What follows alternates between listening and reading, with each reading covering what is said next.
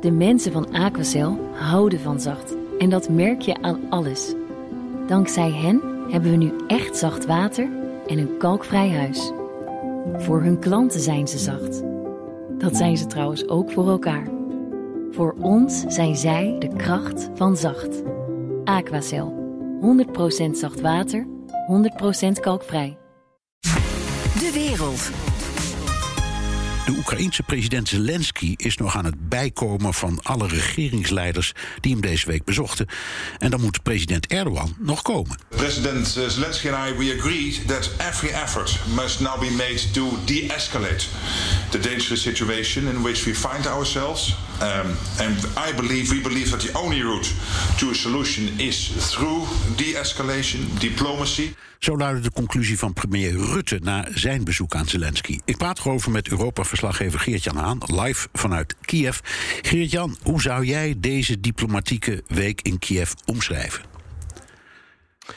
Als een stoelendans waar af en toe een stoeltje plotseling wordt weggetrokken. En helaas waren het dan uh, Hoekstra en Rutte die dus niet op een stoeltje konden zitten op de dag dat ze eigenlijk dachten dat ze welkom waren in Kiev. Ja. En ik kan er nog aan toevoegen dat ze ook niet ontvangen zijn in de kamer waar ze de stoelendans hadden willen houden. Want als je kijkt naar alle leiders die hier zijn langsgekomen... en ik noem er een paar, uh, Johnson, uh, Morawiecki, Poolse premier... vandaag Erdogan. Nou, die drie zijn ontvangen in het Marinsky-paleis hier in Kiev. Dat is prachtig, zeker nu hier sneeuw ligt. Er geweldig bij. En Hoekstra en Rutte moesten het doen met een... Ja, een Art Nouveau perscentrum hier op uh, Bankova. Ik zit in het centrum van Kiev, in Hotel Oekraïna. Ik kijk uit op uh, het Maidanplein.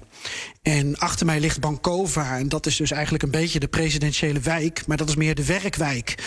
En als je dus mensen wil ontvangen, dan ga je naar het Marinsky Paleis. Maar ja, Hoekstra en Rutte waren dus en niet welkom op de afgesproken dag. En moesten het ook nog doen met een achterafzaaltje. Ja. Het gaat al weken zo niet meer dan een maand over Oekraïne. In hoeverre klopt het frame dat wij hebben, dat we ons druk moeten maken om dat arme land dat onder druk staat van Rusland en dat zich wanhopig bij ons probeert aan te sluiten? Ja, als we die vraag ontleden, uh, arm land, ja, relatief arm ten opzichte van uh, een heleboel Europese landen. Uh, onder druk van Rusland, ja, klopt ook. Uh, wil zich bij ons aansluiten? Ja en nee. Want Oekraïne wil heel graag uh, Europees zijn. Maar dan heb je het veel meer over de Europese manier van leven. En niet de Russische manier van leven. En om je daar een voorbeeld van te geven. Um, kijk. De, uh, Russen zijn, en dit is allemaal een beetje generalisatie, maar zijn door de bank genomen apathischer, afwachtender.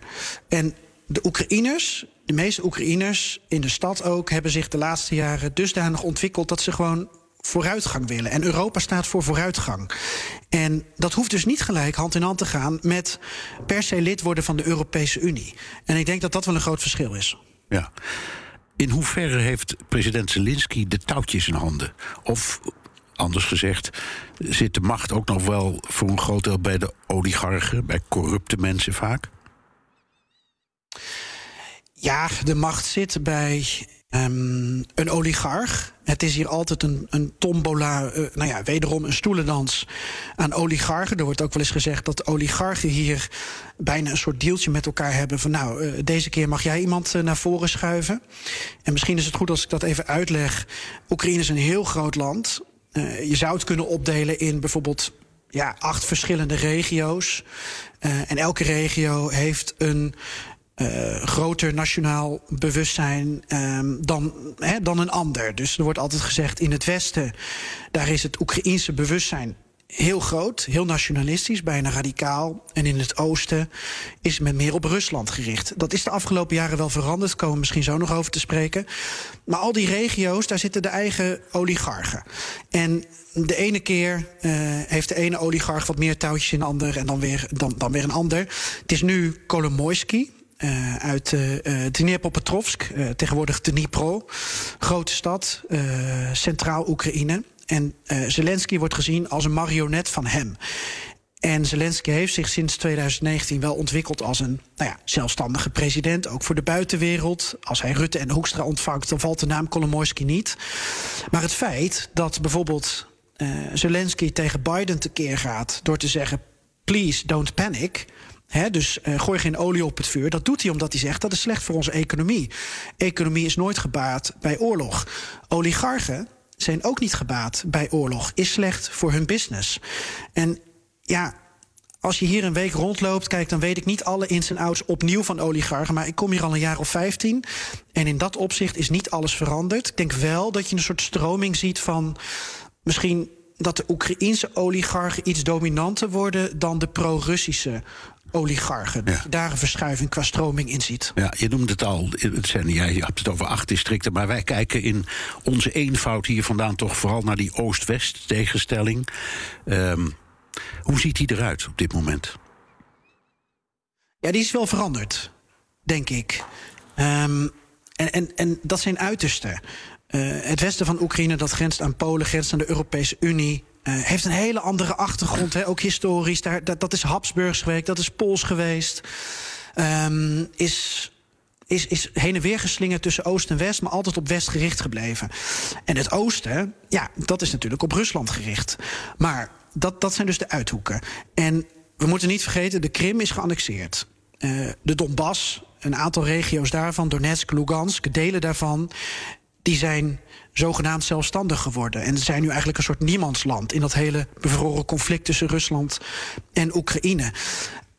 En ik noemde acht regio's. Dat is niet echt zo, maar je kan het land dus opdelen in gebieden die uh, een heel sterk Oekraïns nationaal bewustzijn hebben, of iets minder.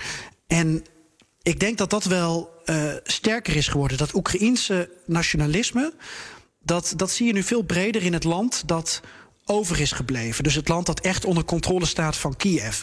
Zelfs in Mariupol, het zuidoosten van Oekraïne aan de uh, zee van Azov, waar om gestreden is in 2014 en 15, dat echt ook in handen van de Russen even was, of van de pro-Russische separatisten. Daar, daar spreekt men ook Oekraïens. En taal is niet alles. He, Oekraïens en Russisch kan prima naast elkaar leven. Het heeft het altijd al gedaan hier in de regio. Maar tegelijkertijd dat men vaker in het Oekraïens terugpraat en antwoordt. En dat geldt ook voor een aantal andere geïndustrialiseerde regio's in het oosten. Denk aan Zaporozhye. Um, ja, dat vind ik wel een teken. En het geeft aan dat mensen steeds vaker zeggen: Ik voel me Oekraïens. En wat dat betekent, dat kan je dan heel breed interpreteren. Er kunnen mensen zijn die zich Oekraïens voelen terwijl ze Russisch spreken. Um, het kan andersom zijn. Dankjewel. Europa-verslaggever Geert-Jan Haan vanuit Kiev, Oekraïne. Wilt u meer horen over de Europese politiek? Luister dan naar BNR's Europa-podcast die Geert-Jan maakt... samen met Europa-correspondent Stefan de Vries. De mensen van Aquacel houden van zacht. En dat merk je aan alles. Dankzij hen hebben we nu echt zacht water en een kalkvrij huis. Voor hun klanten zijn ze zacht. Dat zijn ze trouwens ook voor elkaar. Voor ons zijn zij de kracht van zacht. Aquacel. 100% zacht water, 100% kalkvrij.